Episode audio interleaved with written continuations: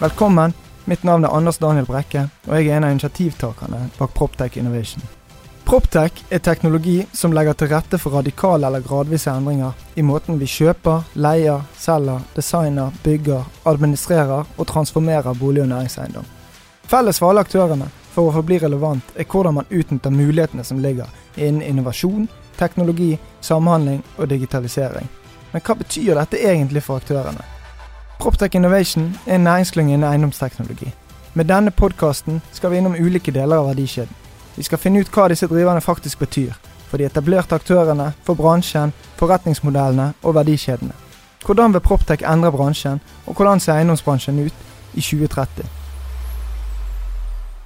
Eh, Hjertelig velkommen til en ny episode. Anders Daniel Brekke fra Proptech Innovation her. Eh, I dag har vi besøk av Guy Montuel, founder og CEO i Bygger. Velkommen, Guy. Takk, takk. Ja, eh, Vi begynner. Eh, Hvem er du, og hva koker du med? Hvem jeg er? Eh, ja, Guy, som du sa. Eh, daglig leder i Bygger. Eh, kommer opprinnelig flyttet til Norge for ca. Ja, 12-ish år. Bodde et år i Oslo, og så fant jeg ro i Bergen. Så ja, så Hvorfor kom du til Norge? Nei, det kan du si. Og hvor Eh, kom du fra? Det korte svaret hvordan jeg kom til Norge, var Ja. jeg, jeg dro til Sverige og tok venstre. Men eh, det lange svaret det er at eh, etter det vanlige tiden i Israel, så eh, var jeg litt nysgjerrig på hva som foregår her oppe i Skandinavia. Og så har jeg gjort en veldig rask evaluering i hodet mitt, og hvilke språk skal jeg studere, eh, basert på hvilke land jeg skal flytte til. Og så uh, tenkte jeg at eh, Norge var for dyrt. Ja, Ja. og så Finland var Du kan ikke gjenbruke det språket. Danmark er ikke egentlig Skandinavia, fordi vi har ikke, de har ikke helt nordlyset. Uh, Island er litt langt vekk, så jeg var igjen med Sverige. Så jeg begynte å studere svensk. ja. Uh, og jeg flytta til Stockholm, var litt sånn her og der, og så fikk jeg faktisk jobbtilbud i, i DNB som konsulent. Eh, og det det egentlig som dro meg, litt tilfeldigheter, som dro meg til Oslo ja. i den tiden. Ja, så, ja, via Sverige til eh, Oslo. Men jeg må bare ta veldig kjapt først. Hva er Bygger? Hva er bygger, ja. Bygger. Det, vi eh, lager en eh, kan du si, samhandlingsplattform for byggebransjen. Der eh, vi prøver å plassere flere, eh, flere interessenter i byggeprosessen på én plattform, hvor første modulen som vi har lansert, er håndtering av eh, tilvalg- og endringsprosessen i boligprosjektet. Eh, og nå holder vi på å lansere vår eh, FDV- og ettermarkedsløsning. Eh, og det gjør vi sammen med våre samarbeidspartnere. Eh, så I Bergen eh, det er Labentreprenør og Bibo som vi Mm. jobber veldig tett med. Eh, selvfølgelig vi har våre andre kunder også. Ja, ja. Hvor, eh, hvor lenge har du holdt på? Altså Ideen kom da jeg kjøpte en bolig eh, sjøl, og det tror jeg var i 2017 eller 2016. Mm. Eh, morsomt å si det begynner å bli en stund nå. Eh, men vi startet virkelig selskapet. altså Første gang vi hadde en ansatt i selskapet, det var broren min, og det var i november 18, faktisk. Og det var én ansatt. Du og han som er gründer, da?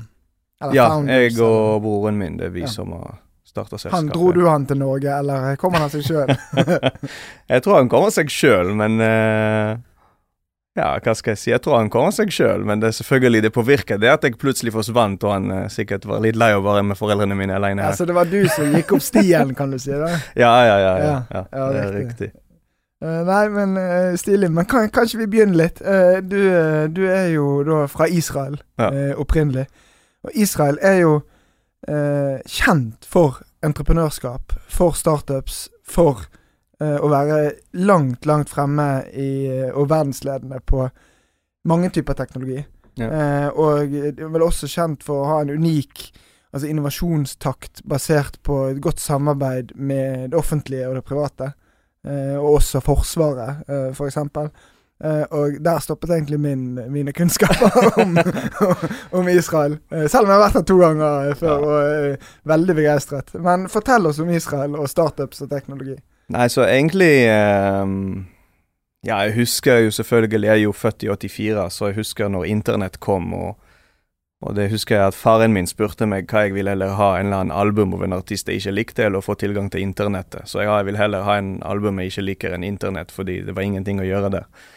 Eh, men når tiden gikk litt, og folk i Israel innså på en måte at ja, det kommer til å bli eh, så, så, teknologi egentlig virkelig begynte å blomstre der. Og jeg husker det at eh, Altså, første gang jeg opplevde denne startup-boom, kan du si, i Israel, jeg var en tenåring, så jeg kanskje var ikke så veldig i detaljene og hva drev det, og så videre.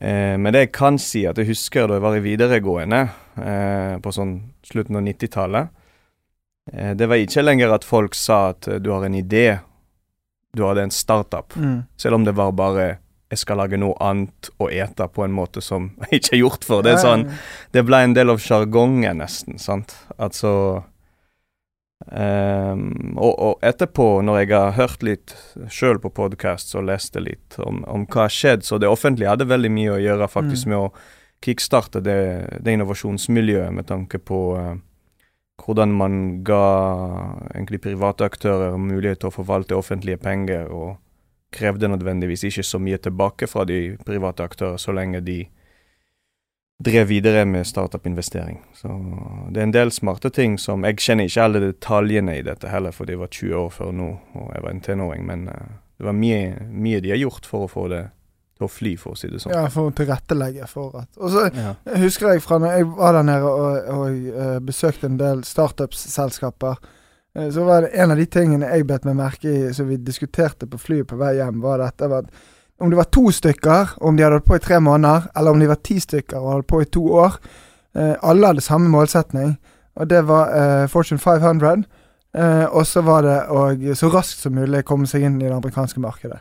Det var en sånn attitude om at vi skal bare sitte her akkurat så kort som vi må, eller lenge som vi må, og så handler det egentlig om å bli klar for å lansere i USA så raskt som mulig. Er det en trend man ser at de oppretter veldig fort et salgskontor i Ja, definitivt. Ja. Og jeg ville sagt faktisk at uh, israelske startups ofte faktisk ikke oppretter Israel engang. De ikke tester det lokale markedet fordi de anser det som uinteressant.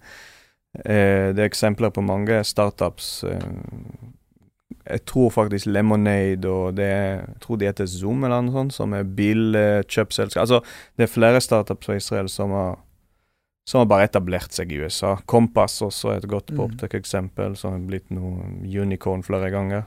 Mm. Eh, de etablerte seg i USA, og det er aldri så til israelske markedet. Eh, og det er egentlig de, de gjør det fordi eh, blant annet at eh, de innser at eh, norsk Altså venture capital-fond, som det er der du henter risikokapital, eh, stort sett, eh, en av de viktigste parametere er marked. Mm. Eh, og hvis du klarer å få det til å fly i et marked som er stort nok, så er potensialet stort nok, og da bare hakker de over teamet er gode og produkter er bra, og så på en måte eh, Så er det på en måte tikker ganske mange av boksene de trenger. Eh, men hvis du på en måte beviser at noe fungerer i Norge, Israel eller Nederland for den saks skyld. Det er sånn mm. greit, men hvor stor kan det bli? Uh, ja, så det er litt sånn uh, har norske, Hva tenker du, har norske startups noe å lære der i forhold til attitude og ambisjonsnivå og uh, Vær forsiktig med hva jeg påstår her, men om vi har noe grunnleggende å lære der i forhold til å være tøff nok til å gå ut tidligere, er det jeg egentlig lurer på. Jeg syns det er veldig avhengig av selskapet og hva du driver med. da. Altså hvis du tar eh, eh, Ja, f.eks. det kompassgjordet. Det er jo naturlig at hvis prosessen er veldig annerledes mellom land og så videre, så da kanskje etablere deg i et stort marked med en gang. Det kan være smart. Eh, selv om ikke alltid, da, men mm. det kan være smart. Det er også avhengig av at du har kjennskap og kan flytte der, kanskje, og sånne type ting. Eh, men det er også avhengig av det markedet du opererer. Sant? Um, en, en, av de tingene jeg har lært om byggebransjen spesifikt, hvis vi skal snakke om det, at, uh, og det har jeg lært faktisk også i en del sånne israelske ja, inkubatorer, eller hva skal jeg si, mm. om uh, Proptech og Contech, er at mange Altså, USA-byggebransjen er egentlig veldig fragmentert. Og at hvis du ser på sånn topp 20 største byggeselskaper i, i verden, så var det én eller to som er amerikanske, resten europeiske og kinesiske. og Kanskje en japansk eller noe sånt. Mm. Men uh, poenget da, det er Kina og, og Europa, eh, som er de største. Så mange innser at det kanskje er lurt å hente kapital fra USA, eh, kunder i Europa, og så teknologi hvor du finner det. Mm. Eh, så, så, det er litt avhengig av den bransjen du opererer i, rett og slett. da ville jeg sagt. Men, eh, men, definitivt tenk på mulighetene i utlandet. Ja, for jeg eh, Sånn fintech eh, har jo vært tydelig på at liksom her skal Norge leve av dette oljen, og vi skal leve av finansteknologi. Ja, OK.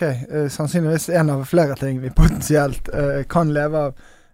men der òg, vil jo tro Du har jo jobbet i VIPS, og det var jo vel sånn du kom inn i det norske arbeidsmarkedet, i hvert fall via DNB og VIPS. Ja. Eh, og kan jo sikkert litt om eh, Nå skal ikke vi snakke om fintech, men jeg kan ikke fortelle litt om, om VIPS. Om fintech likevel. Ja, ja. litt om fintech likevel. Nei, men det går ja, kan man eksportere fintech like enkelt som annen teknologi, f.eks.? Jeg syns fintech er en litt sånn Først og fremst, fintech er veldig brei, da. Mm. Så det er på en måte Finans er tross alt det sånn byggekloss i verden, kan du si, da. Men eh, Norge har vært lenge ganske foran Eh, og i finansteknologi, altså Skandinavia generelt, har kanskje høyest andel av penetrering av eh, nettbankløsninger blant mm. befolkningen, spesielt blant de eldre. Eh, folk her bruker sånt VIPS, hva var det, over fire millioner mennesker. og og det bank-ID brukes for nesten alle tjenester. Eh, men jeg tror faktisk det at vi ligger ganske langt framme. Forresten, både på, på byggeteknologi og på finansteknologi. Norge er faktisk ganske digitalisert. Det er både en fordel, men det er også en hemsko. Mm.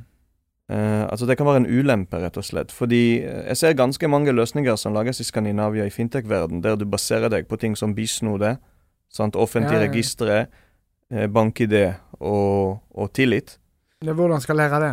Ja, sant. Og da går du til Du trenger ikke å gå til eh, til mye mer fattige land enn det. Du kan gå til Vesten, mm. Vest-Europa. Mm. Du kan gå til England, og du kan gå til Tyskland. og så Den infrastrukturen er ikke der. Og hvis hele løsningen er basert på at du kan identifisere en person remote på to klikk, da kanskje skalerer det ikke. Mm. Uh, så man må på en måte tenke at det kan både være fordel og ulempe at vi er så digitale. Sant? Et eksempel som jeg har snakket med litt med israelske byggeselskaper Ref, uh, skal vi dra det litt tilbake til, mm. til Proptech, er at i Norge det vil være nesten utenkelig at et prosjekt vil ikke ha et BIM-modell. Mm. Mens nede i Israel så det er ganske vanlig at boligprosjekter ikke har BIM-modell, det er bare 2D. Uh, så det, det, på en måte, så hvis du bygger mange løsninger som er veldig tett knyttet til Beam, så det kan være markeder der du ikke kan adressere fordi de har ikke Beam. Mm. Uh, så det Ja, og det, hva tenker du da? Bør man da bare være såpass uh, ja, naiv eller arrogant, eller skal, bør man da bare anta at ja, men resten kommer til å komme etter? På et eller annet tidspunkt? At det er tålmodighet det handler om da? Jeg, jeg, tror det er litt avhengig. Ja. Uh, i, noen, I, noen, områder svarer definitivt ja. Folk vil komme etter etter hvert. Spesielt på de megatrendene på netthandel og, og de tingene, da. Um, men når du ser i Beam, for eksempel uh, Vi skal ta de to eksemplene som vi snakket mm. om, Fintech og Beam, da. Så i Beam det merker jeg at uh, de stedene de er litt mer skeptiske til Beam, så de virkelig vil se den, den positive business case. Uh, så det er ikke sånn lett å gjøre nødvendigvis, sant? Mm. fordi uh, de går mye mer i detaljene og kjører skyggeprosjekter for å se hva hadde skjedd hvis vi hadde, og hvis de ikke får det til å gå opp, så gjør de ikke det. Og når det gjelder fintech, så å endre tilliten i et samfunn er ikke noe som er veldig lett å gjøre. Eller å få mange banker til å samarbeide for en felles ID-løsning. Det er heller ikke noe som er lett mm. å gjøre i andre land. Mm. Um, så poenget er det vel market education, sant. Altså, det er vanskelig. Eh, så man skal ikke undervurdere det. Så man må ta en nøye vurdering med seg sjøl hva man tror om denne problemstillingen. Ja, du lever jo i eh, Altså Bygger lever jo i, nå, i hvert fall i første omgang i, i byggefasen. Mm. Eh, og det om jeg forstått det riktig, så handler jo dette om et verktøy da for totalentreprenøren, eh, eller totalentreprise, underleverandøren, byggherre og kunden. Ja, og arkitekt. Og arkitekt. Ja. Eh, for å egentlig så løser det opp i alle disse flokene blant disse stakeholdersene som tidligere har foregått på mail, telefon, SMS, fax, eh, hva det måtte være. Eh, Mm. Er det riktig forstått? Det er riktig forstått, fordi det som vi prøvde å kartlegge veldig tidlig, er hvor det går i denne tilvalgs- og endringsprosessen i første omgang, eh, mye e-post. Mm. Um, og det vi fant ut, er faktisk i endringsmeldinger går det veldig mye e-post. Eh, det som ikke på en måte bytter en armatur, det er for så vidt relativt enkelt. Men når du begynner eh, Og, og det, det er også noe faktisk viktig og degresjon på det. det eh, I bolig i alle fall, så ofte bestiller en eh, ikke-profesjonell part. Mm. Så den som bestiller spotter i gangen, tror at det er bare å legge spotter i gangen, men de er ikke innforstått at tømrer må inn med himling, og at elektro må inn med kanskje ekstra kurs og dimmer, og at eh, eh, VVS eh, kanskje må se på noe med tanke Eller sprinklere må, må gjøres noe Mm. med, eh, fordi eh, nå er taket litt lavere, osv. Og, så og arkitekt må vurdere det med tanke på forskrifter om taket blir for lavt også. Ja, ja. Ehm, og det per def går på mail, da. Så det er på en måte disse typer dialogene vi prøver å heldigitalisere. Og Altså, det er ganske utrolig i, i 2020, men jeg, eh, jeg, vi, jeg holder på skal flytte inn i nytt hus i april. mm. Eh, og var der da på befaring med alle fag nå i forrige uke. Og dette er altså nå i 2021. Februar, ja, starten av februar 2021. Der altså byggherren eh, kommer altså med en tegning laminert, som vi etter to minutter finner ut at denne er ikke gjeldende lenger. Nei. Hvor da elektrikeren går og finner sin tegning. Ja, han hadde siste versjon. Ja. I, I A3, som han da bretter ut av en sånn perm. Der er vi. ja, og jeg må si at på eneboliger det er litt annerledes. Mm. Ehm, større leilighetsblokker er mye mer industrialisert, men det likevel skjer sånn type feil som du sier. Mm. Det er ikke nødvendigvis at en proff utbygger eller entreprenør vil ikke komme nødvendigvis med en A3 til en befaring, men eh, noen av det kan fortsatt i, hos noen tilfeller kan det fortsatt skje på penn og papir, og kanskje de ikke har en tegning med seg, eh, og ja, så det er egentlig ikke nødvendigvis vet hva er blitt bestilt, og kun ikke husker på det tidspunktet fordi de bestilte det et og et halvt år Ja, ja. forkant. Og, Nei, for Utfordringen min her er ikke at, at altså elektrikeren trenger ikke å ha tegningen på, på iPad. Det er jo like greit å ha det på papir. Det kunne jo Mm. jeg òg foretrukket. Det er ikke det som er poenget. her. Poenget er jo at de endringene som da var glemt på denne tegningen, de tegnet vi inn for hånd i tegningen. Siste versjon. sant? Hvem har da kontroll på hva det skal koste, hvem som skal gjøre hva, osv., osv. Jeg kan i hvert fall si med 100% ærlig at jeg som kunde har ikke kontroll på dette her. Har ikke peiling. Nei, og jeg også hadde ikke kontroll sjøl når jeg Mm. var i denne prosessen sjøl før. Um, og jeg bommet på det jeg tror det blir fakturert. Uh, Ja. Og det med ganske stort beløp også. Ja. Og det, det er åpenbart at det, det er et problem. Uh, ja. Men hvordan reagerer da bransjen? Eh, jeg kan jo ikke mye om, om eiendomsutvikling. Eh, jeg kan jo litt, men eh, hvordan, min opplevelse som kunde i hvert fall, er at veldig mye av disse tilvalgene, f.eks. kjøkken, så priser de inn et eh, kjøkken eh, av en viss standard, og så vet de det at når kunden har brukt seks millioner på den leiligheten, så skal ikke han ha det kjøkkenet som jeg som leverandør har. Og da kommer han inn her, og så kan jeg gi han en kaffekopp til 70 kroner med, med hasselnøtt på toppen, og så kan vi sitte oss ned og begynne å tegne. Og så får jeg et mersalg eller oppsalg på x antall tusener. Hvordan fungerer dette inn i bygger og din verden? ja, så først og fremst, det er sant. Det er noen underentreprenører egentlig ønsker de endringene, fordi de priser på en måte det inn i, Mhm. Inn i kontrakten deres. Og du men- gjør jo dette veldig transparent nå, sant? Ja, Ja. Uh, men også noen underentreprenører faktisk ønsker ikke så veldig mye endringer, fordi de er ganske fornøyde, og det tar ganske lang tid for å generere lite inntekter. Så det er litt sånn avhengig av både strategi til totalentreprenørbyggherren og underentreprenør, og måten de Mm. egentlig ser seg inn til prosjektet også. Eh, akkurat kjøkken det er jo det mest komplekse eh, tilvalget, og det er per dags dato gjøres utenfor systemet. Fordi eh, vi sender likevel kundene til, til kjøkkenleverandør. Ja. Fordi kan jo si, Hvis du er en investor, så mest sannsynlig kommer til å ikke gjøre noe. Så det er på en måte, det er bare la det Mm. være. Men uh, hvis du er en, eh, noen som har kjøpt drømmeboligen sin, du mest sannsynlig har en del meninger. Og det som vi merker da, at uh, som du sier sjøl, du legger egentlig en ganske sånn som regel kjip uh, standard, og så folk uh, oppgraderer. Og som regel du oppgraderer det til skuffer og sånn type Ja. ting. Og da det påvirker hele utformingen, så det, det blir ganske vanskelig å forhåndsprisse det, egentlig, alle de tingene. Eh, og det er for så vidt greit, sant. Mm. Men det som er viktig at ivaretas i systemet, er at endringer i én fag kan påvirke en annen.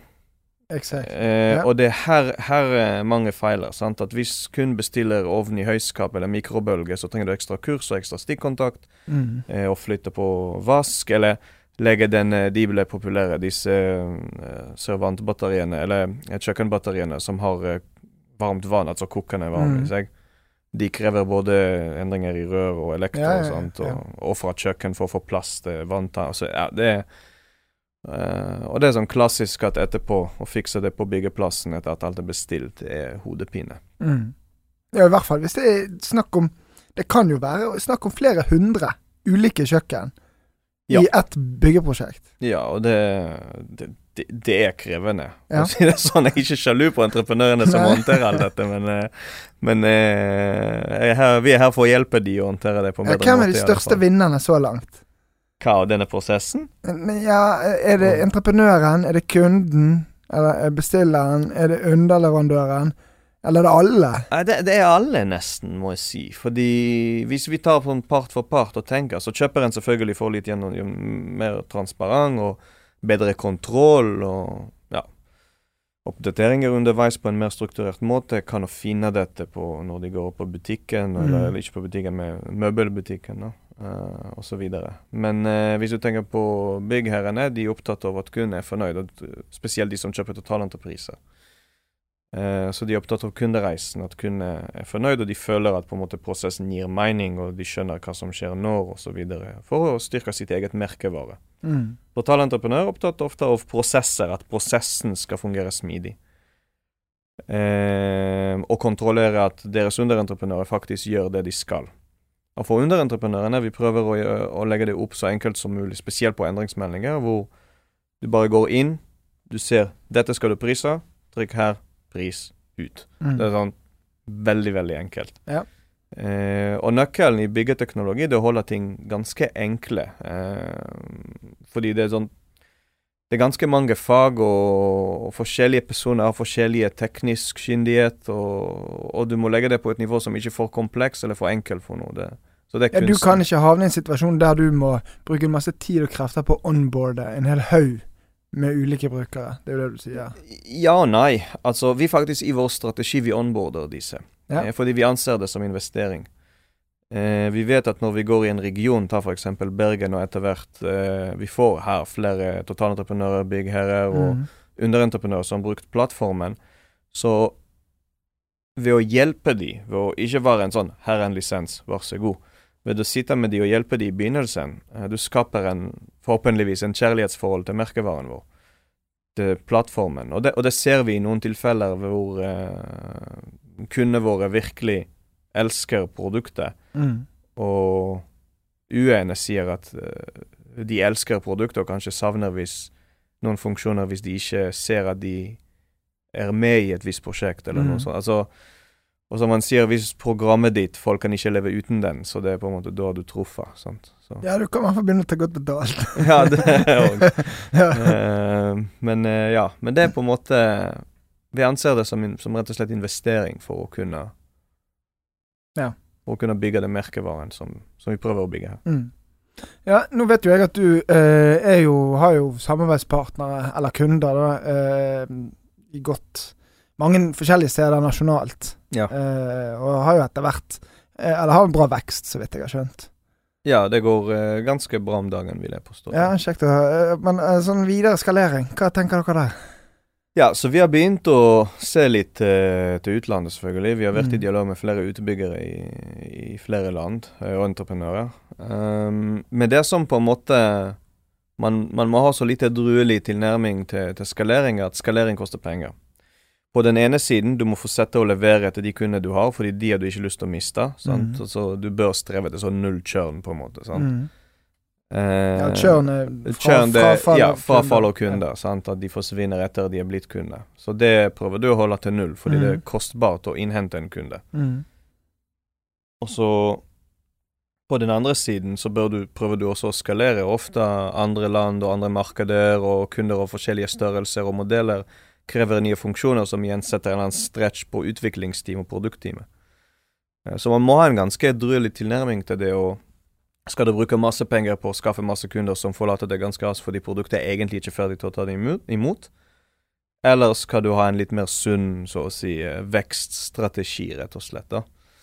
Ehm, så nå når vi begynner å se den traction vi har i Norge, vi forstår at vi har bygget noe som også kan bygges på videre Mm. til andre typer bygninger, ikke bare altså multifamily dwellings, kan du si, da. Altså boligblokker, eh, men andre typer prosjekter. Mm. Så vi tror det ligger ganske mye muligheter til å gjøre virkelig gode endringer i byggebransjen. Ja, for litt interessant. Jeg kan bare ta det opp, for det er etter hvert blitt en av mine hjertesaker. Eh, Jeg er jo ikke noen teknolog på det nivået som du er, men altså for hver feature For du snakker om dette, at da må du tilpasse nytt, nytt nye markeder, må du tilpasse nye moduler, nye features osv. Eh, og så er det jo sånn at for hver nye feature, eller hver nye modul du uh, utvikler, så skal dette vedlikeholdes. Yes. Eh, og det skal optimaliseres, og det er en masse arbeid som kommer i kjølvannet. Det her jeg er litt sånn Ikke bekymret, men litt, blir litt oppgitt av en masse aktører som skal lage sine egne systemer. Egne apper eller egne løsninger for et eller annet som er, er midt i kjernevirksomheten av det de har holdt på med i lang, lang tid. Og så setter man liksom av x antall millioner ett år, og så utvikler man en masse greier og kjempeflott, og konsulentene de hopper og spretter. Eh, og kjempeflinke de, og leverer akkurat det de skal, men har man liksom en helhetsvurdering og en ærlig selvinnsikt i forhold til å vurdere hva med år to, hva med år tre, hva med videreutvikling, hva med at vi skal eh, forbli relevant, hva med å, å holde liv i dette her og fortsette å gi verdi. Altså dette Forstår man det godt nok? Jeg tror faktisk ikke, Uh, og det er egentlig todelt, kanskje, kanskje det svaret. For det første det er hva det koster på en måte med å gjøre det. Hva egentlig koster en ekstra feature? Mm. Uh, og ja, en ekstra feature koster mye med tanke på vedlikehold og hvordan det fungerer med andre features osv. Uh, og den andre siden er det strategisk, egentlig, for industrielle aktører. sant? Fordi uh, når du som industriell aktør, eh, og hvis du snakker nå igjen om byggebransjen spesifisk, da, eh, det er de færreste byggeselskaper eh, har egentlig en ordentlig IT-avdeling.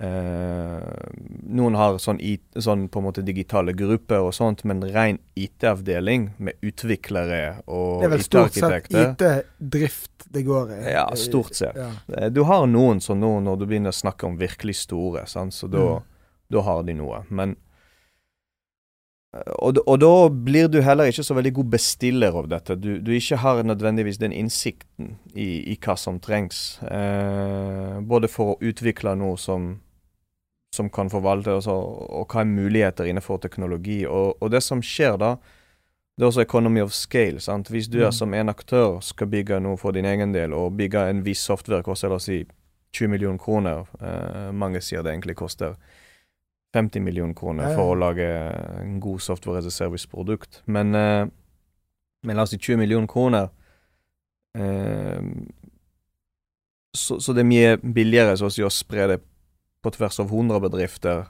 og kjøpe det som en tjeneste.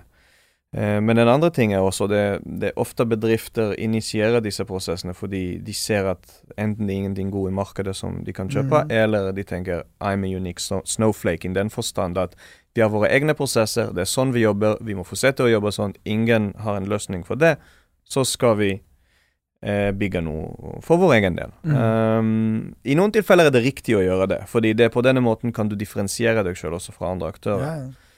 Ehm, men ofte det vil havne med at du bruker veldig mye penger på noe som dine konkurrenter kjøper for en brøkdel, og når entreprenørvirksomhet spesielt er veldig, veldig sånn syltynn marginer. Mm. Det er ikke alltid råd til å bruke 20 millioner her og 20 millioner der. Men Hvilken innfallsvinkel har, har dere?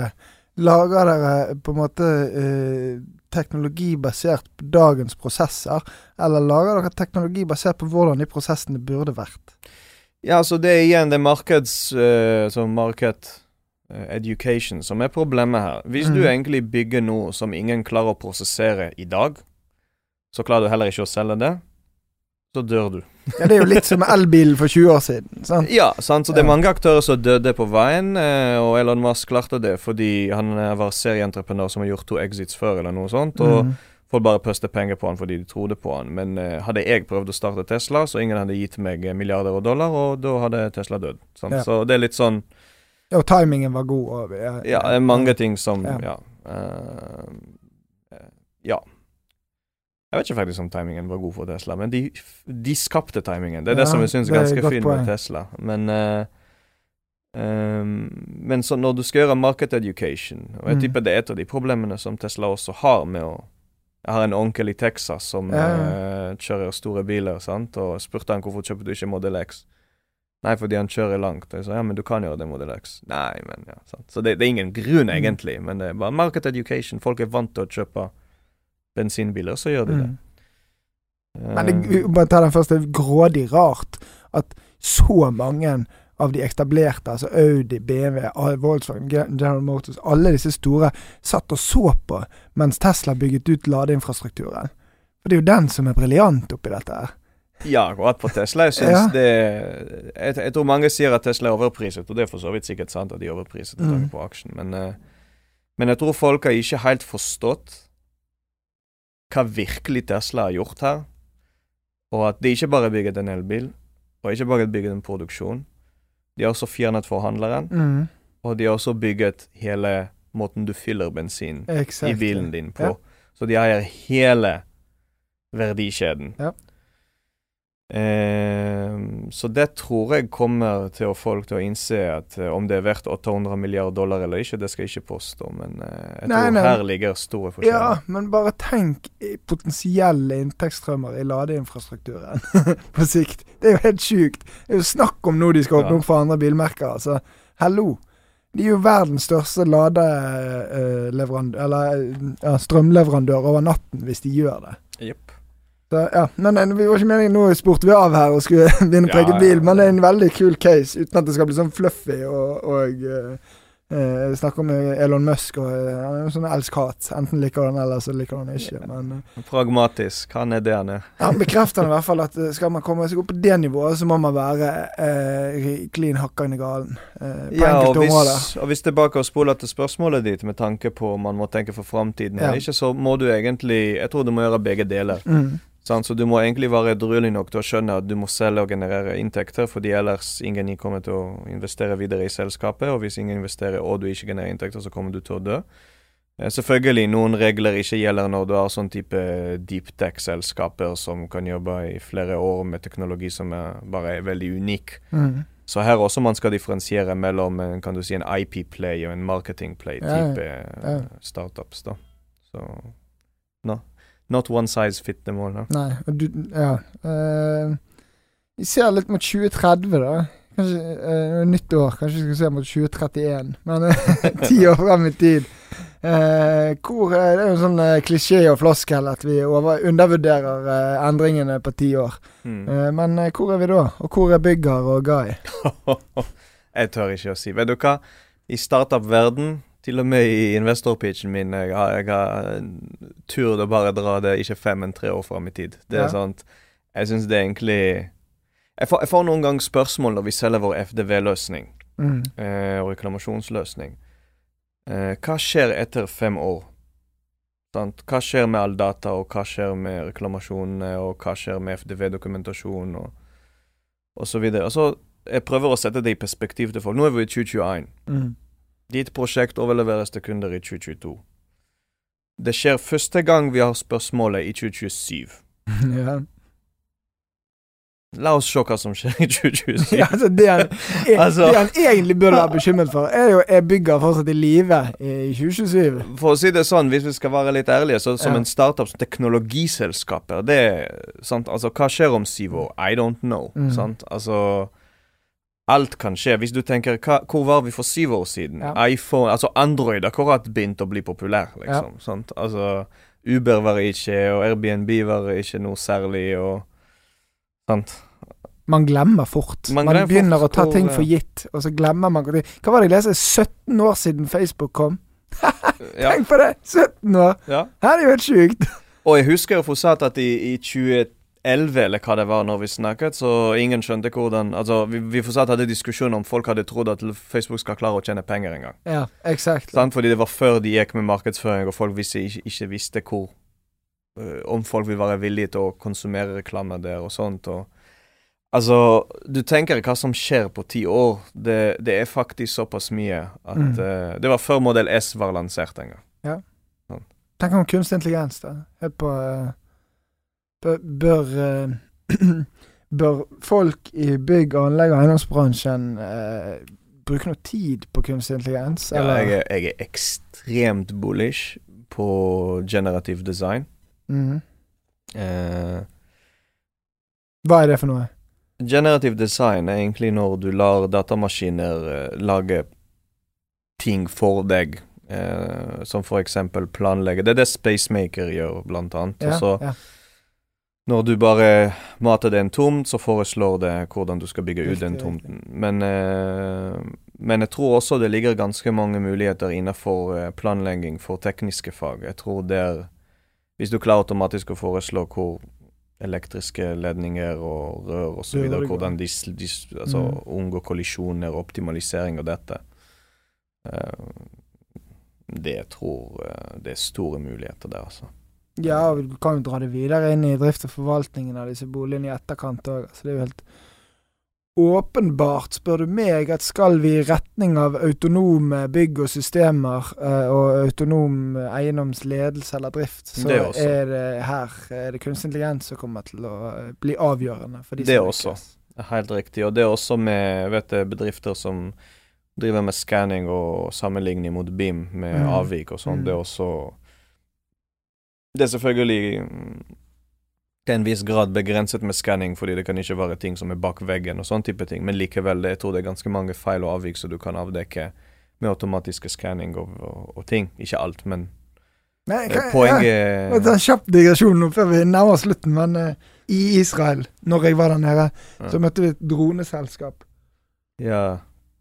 Ja. som da flydde over hver etasje når den skulle, hver dag. Mm. Etter endt arbeidstid dokumenterte bildene på etasjene. Mm. Skulle bygge 40 etasjer. Så, og så da kunne man detektere feil på tegningen versus reelle bilder. Nei, det sluket er jo der. Det er ikke Det er to Mm. meter til høyre for der det sto på tegningen, og så oppdaterte man tegningen deretter. En ganske sånn enkelt forståelig eksempel på Ja. hva eh, Og det blir jo galskap at det skal sitte et, eh, en haug med mennesker i et kontrollrom og flytte den eh, greien basert på dataen som kommer inn. Ja, men det er fortsatt lang på en måte fra du kan eh, Fra du kan automatisere det helt, det er på en måte at det justerer seg sjøl. Det er fortsatt litt tid, men bare du kan avdekke i alle fall de tingene. Det er automatisk å flagge det i en eller annen kontrollrom, det er allerede Ja, ja, ja. Jeg, jeg var 2031. Ja, du var da, 2031, da er vi der. Ja, men dette var, var veldig hyggelig, Guy, og takk for at du tok deg tid. Er det noe mer vi burde snakke om før vi runder av? Nei, sikkert mye, men eh, vi har den tiden vi har. så- Ja, nei, det var hyggelig, dette. Så da sier jeg bare eh, tusen takk for tiden. Og så eh, ja, tusen takk at du ville ha den. Engel.